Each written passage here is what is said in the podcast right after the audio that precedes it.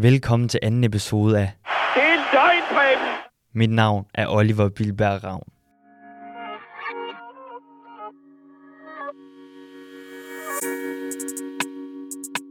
I anden episode skal du høre om, hvordan kvalifikationen tager den ene uventede drejning efter den anden og får en højdramatisk afslutning. Men først fortsætter vi, hvor vi slap. En septemberaften i Beograd, hvor returopgøret mod de hidtid suveræne jugoslaver venter. Danskerne har dog været bladet af stor uro på de interne linjer natten op til kampen.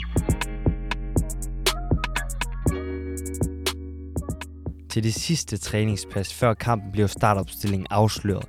Risa Domisi fra PSV er mod al forventning ikke en del af den. Domisi er i den meget spøjse situation, at han har kæmpet med PSV for at få lov til at tage med landsholdet. PSV skal nemlig spille turneringskamp samme dag, som danskerne skal møde Jugoslavien. Da Domise finder ud af, at han ikke skal spille, bliver han godt og grundigt pist på landstræneren. Domise siger til julemand, at han tager hjem til klubben for at spille klubkampen. Det gider den stedige julemand absolut ikke høre tale om, men alligevel vælger Domisi i ly af natten at forlade hotellet og flyve til Eindhoven. Den beslutning ender med at koste Domisi sin plads på landsholdet flere år frem. Julemand er ikke en mand, der har nemt ved at tilgive, og han husker som en elefant. I optagsstudiet sætter Morten Brun et par ord på opgaven, som venter Danmark. Og hvis man så var taget til, taget til, taget til Beograd med den der tro på, at okay, nu, nu, nu, mangler, vi, nu mangler vi så øh, nogle af vores bedste spillere, men nu er det i hvert fald den her gruppe, så får man jo endnu et slag, da der Risa Domisi lige pludselig finder ud af, når man, når, hvis jeg ikke skal starte inden, så skal jeg heller ikke være en del af, en, en del af det her. Så, så forlader han jo lejren. Rent sportsligt betyder det nok ikke så, så meget lige, lige her nu vel, fordi han skulle jo øh, formentlig ikke have startet ind alligevel. Det der er jo højforræderi. Det, det må man jo sige. Altså, de andre har trods alt meldt fra i sådan en relativt god ro og orden. Det er jo stadigvæk frivilligt at spille på landshold, men det, der, det, det som Domisi laver, det, det er jo højforræderi. Morten Broen vender også fravalget af midtbanestjernen Pierre Emil. Altså, der har jo, der har jo været mange ting omkring, om, omkring Pierre Emil Højbjerg, så, så, øh, så, kunne, øh, så kunne landstræneren ikke få fat i ham, og så var han rejst over for at se ham spille, og så stod han ude for omklædningsrummet og fik heller ikke fat i ham der. Så det, der, er sådan en, der er sådan lidt en stemning af, at øh, Pierre Emil Højbjergensen driver, driver lidt driver gæk med, land, med, med landstræneren. Han er jo en god spiller på klubplan, helt vildt god spiller, men var jo aldrig, stod jo heller aldrig definitivt igennem på det gamle landshold. Der, der, var, det jo, der var det jo alligevel alle de andre. Så, så der er nok sådan en stemning af, at, øh, og, og i særdeleshed hos landstræneren jo, at øh, jamen, jeg kan simpelthen ikke stole på Pierre Emil Højbjerg. Men det er jo endnu en, øh, en, en episode, som man kunne sige øh, ideelt set, som man, man gerne havde været, havde, havde været for uden, ikke? fordi nu har du nærmest en hel buket, en hel håndfuld af etablerede landsholdsspillere, som ikke længere er, som ikke længere er, af forskellige årsager ikke længere er til landstrænerens rådighed.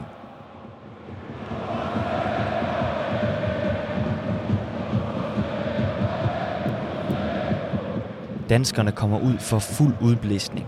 Efter et kvarter har Danmark to skud på træværket, og kort efter sender Josef Poulsen et skud snært forbi stolpen. Alt den inspiration i spillet, som medier, fans og spillere har efterlyst siden Julemands ansættelse, synes at sprudle i aften. Andreas Kravl har svært ved at styre sin begejstring i Liga på P3. I et godt drive op af kanten, ind over Philip Billing. Nej, det er Josef Poulsen, der hætter den ind.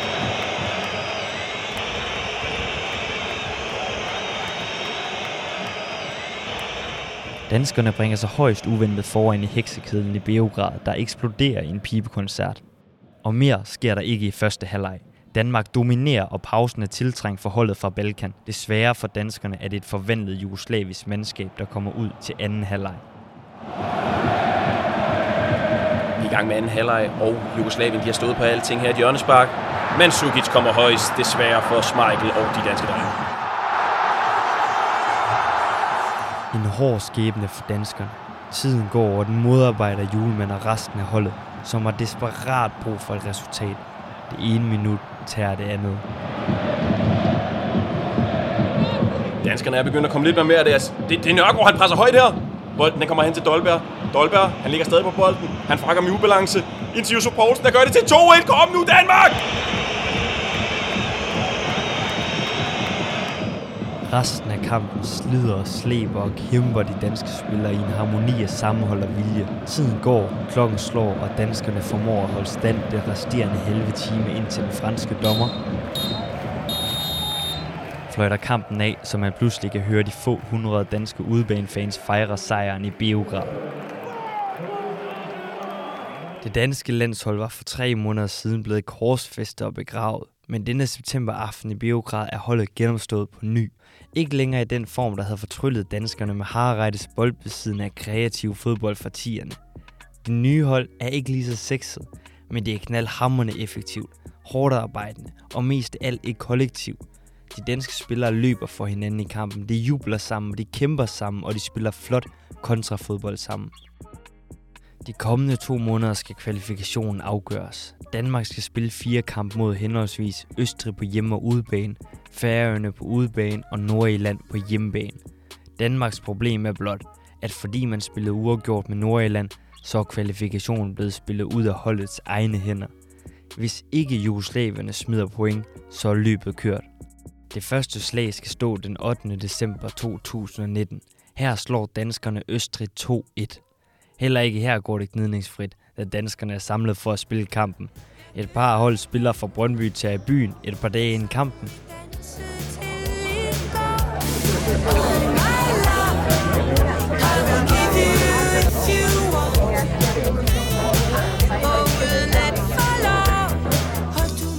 Og Markus Ingevartsens sidste berøring på landsholdet bliver på en sød pige i byen, der viser sig at være julemandsdatter. Au, au, den er sgu ikke god. Men tilbage i fodboldverdenen slår jugoslaverne de hårdt kæmpende Noier. Den 12. november 2019 slår danskerne sammen med tyrene fra Færøerne 4-0. Mål af Delaney, Nikolaj Jørgensen fra 1860 München, Josef Poulsen og Sanga. Tre dage senere slår Danmark så igen Østrig. Denne gang tæver danskerne dem 3-0. Østrig er ellers et udmærket hold, men de får ikke et ben til jorden. Tilbage er nu blot den sidste spillerunde den 18. november 2019. To point adskiller Danmark, som hjemme tager mod Nordjylland, og Jugoslavien, som tager en tur til Østrig. Alt er sat på et bræt. Danskerne skal vinde, Jugoslavien skal tabe, ellers kommer Danmark ikke til EM.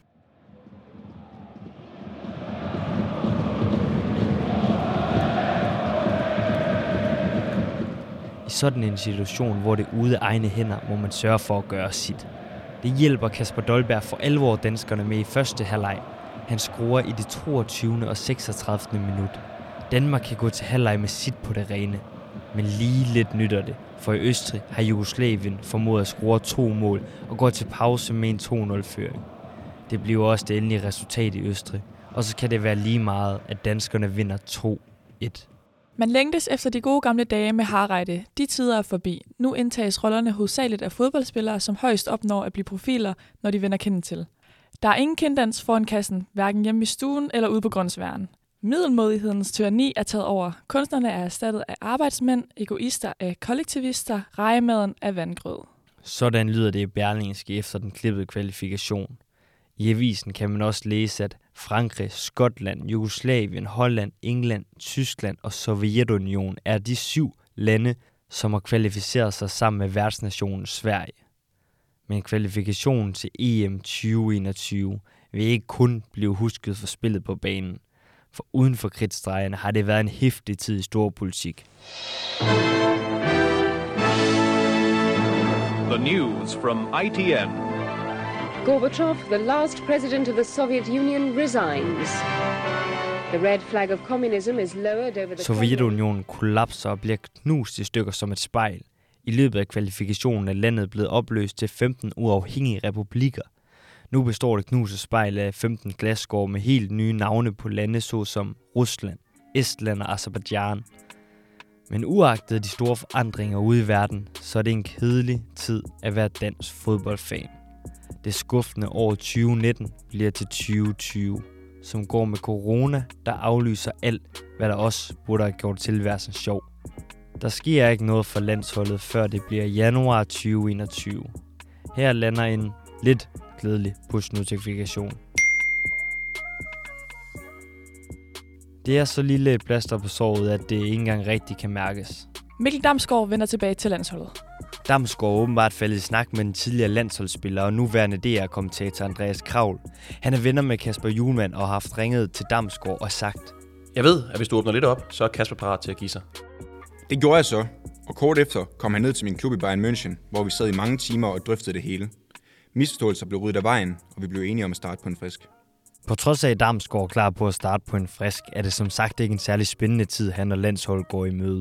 I disse vintermåneder spiller klubberne deres ligakampe, og EM er noget, der venter en heldig gruppe spillere ude i horisonten. Til gengæld sker der ting og sager i en lille fynske landsby over Holuf. Byen er på blot omkring 1000 indbyggere. En af dem er landstræneren. Før fodbold blev en levevej for julemand, var han reservedelsekspedient, depotindehaver og øludbringer. En yderst flittig mand, der bruger al sin tid på at tænke om fodbold. Han blev engang spurgt af en journalist, om han tænker på andet end fodbold. Det spørger min kone om i ny og næ, og jeg må indrømme, at det gør jeg. Nogle gange kan det gå helt op til 2-3 minutter, hvor jeg slet ikke tænker på fodbold. Derfor løfter konen heller ikke noget øjenbryn, nu hvor julemand går rundt nede i kælderen i Overholuf. Hun kan se, at han har travlt med at klippe og klistre og skrible en masse ting ned i en masse store mapper. Det han laver er nemlig at opbygge et spillerkartotek over alle topspillerne i Europa. Statistikker, hvilke ben sparker spilleren med, hvilke styrker og svagheder har han. Alt det, der kan opstøves, bliver nedfældet. Landstræneren har alle dage været en uhyrlig flittig træner, men det er ikke tilfældigt, at Julemand ligger en ekstra stor indsats i at forberede sig på de europæiske topspillere i de her måneder, for han har et vågent øje på situationen i Jugoslavien. The fragile peace in Yugoslavia is more fragile than ever. Truce talks between federal officials and the Republic of Slovenia broke down again today, and the president of Yugoslavia's largest republic is warning his people to be prepared for war. I Jugoslavien er der udbrudt borgerkrig. En krig, som tog til i kraft da Kroatien og Slovenien i juni 2020 erklærede sig som selvstændige stater. Det fik den jugoslaviske hær til at begå en række krigsforbrydelser, men selv her kan ikke sætte en stopper for dominoeffekten. Stat efter stat erklærer sig for selvstændige i efteråret og omkring nytåret. Jugoslavien skrumper og skrumper, og udviklingen fortsætter ind i 2021. Krigen er det frygteligste, det internationale samfund har været vidne til i mange år. Krigsforbrydelserne fortsætter. Kvinder bliver voldtaget, og store grupper af civile mennesker her blandt børn bliver brutalt nedslagtet. Det internationale samfund med FN i spidsen begynder omkring årsskiftet til 2020 at fordømme krigsforbrydelserne, fordi jeg nu drevet halvanden millioner på flugt og kostet 10.000 mennesker livet. Der bliver fra FN's side åbnet op for muligheden for sanktioner mod landet. What is already a humanitarian crisis could turn into a catastrophe. Men vintermånederne går, og foråret banker er der på. Julemanden kan efterhånden ikke finde flere noter at skrive ned om engelske, franske, tyske, svenske og alle mulige andre spillere, som skal deltage i slutrunden. Samtidig holder det internationale samfund vejret. Foråret tager til. April bliver til maj.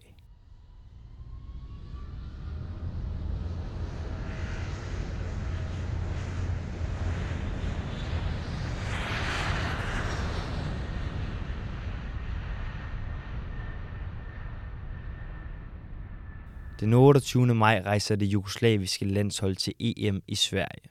En uge før planlagt. Intentionen er klar. Jugoslaverne vil sende et signal om, at de altså er klar til at deltage i slutrunden. Truppen ligner på ingen måde den, der slog Danmark i kvalifikationen. Flere dominerende spillere er sprunget fra. Her blandt holdets største stjerner Luka Modric, Majo Mandzukic og Ivan Rakitic, som ikke længere er jugoslaver, men kroater. Selv træneren Slatko Dalic har valgt at trække stikket, fordi han ikke længere vil repræsentere et land, som er ved at bombe hans hjemby Sarajevo til en ruin. Truppen, der ankommer til Sverige, bliver straks konfronteret med situationen i deres hjemland. Det svenske sikkerhedspoliti insisterer på, at holdet skal flytte fra det oprindelige hotel tæt på Malmø til en lille bitte by 700 km nord for Malmø, omringet af skov. Årsagen er, at tæt på det oprindelige hotel ligger en asyllejr fyldt med bosnier og kroater, som er drevet på flugt af den jugoslaviske hær.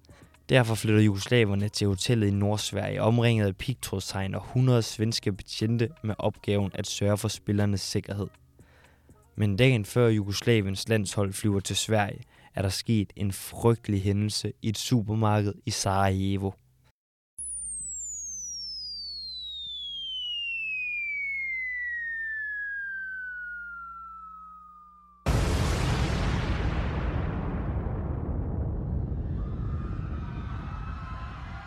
En mortergranat rammer et supermarked og dræber 20 civile, der er ude at handle. Pressen ankommer. Der bliver taget billeder af sårede børn og andre civile, der kravler rundt indsmurt i blod, omringet af lig. Billederne florerer overalt på de sociale medier, og Boris Johnson går ud og tordner. The world can't let such actions take place without the United Nations intervening. Sanctions need to be made. Den følgende weekend samles FN's Sikkerhedsråd i New York og bliver enige om at vedtage resolution 757.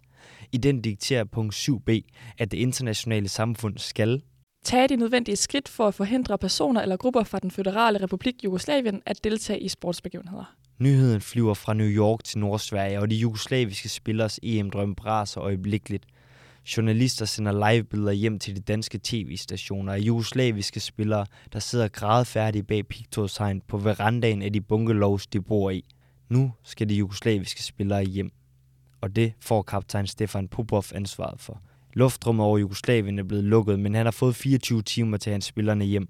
Da han ankommer til Sverige med en halvtom tank, nægter det britiske benzinfirma BP at fylde benzin på de jugoslaviske fly. De frygter, at det er en ulovlig handling grundet sanktionerne. Kaptajn Popov bliver rasende og tænder for flymotorerne.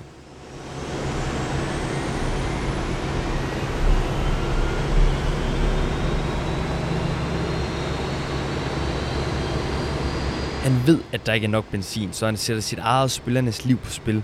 Popov er krigspilot, så han er vant til at tage drastiske beslutninger, men den her beslutning er hovedløs. Men hvis ikke flyet kommer hjem inden for 24 timer, så kommer de ikke ind i landet. For lige om lidt lukker FN for luftrummet. Spillerne skal hjem, og det er nu. Men så kommer den jugoslaviske ambassadør løbende. Det tager benzin. I hånden har han 2.000 dollars i kontanter, og det norske firma Statoil fylder benzin på flyet. Men dramaet er ikke overstået, for på turen hjem skal de igennem Ukrains luftrum. Popov bliver nødt til at flyve så lavt, at flyet ikke bliver opdaget på radaren. Hvis det gør, bliver det måske skudt ned.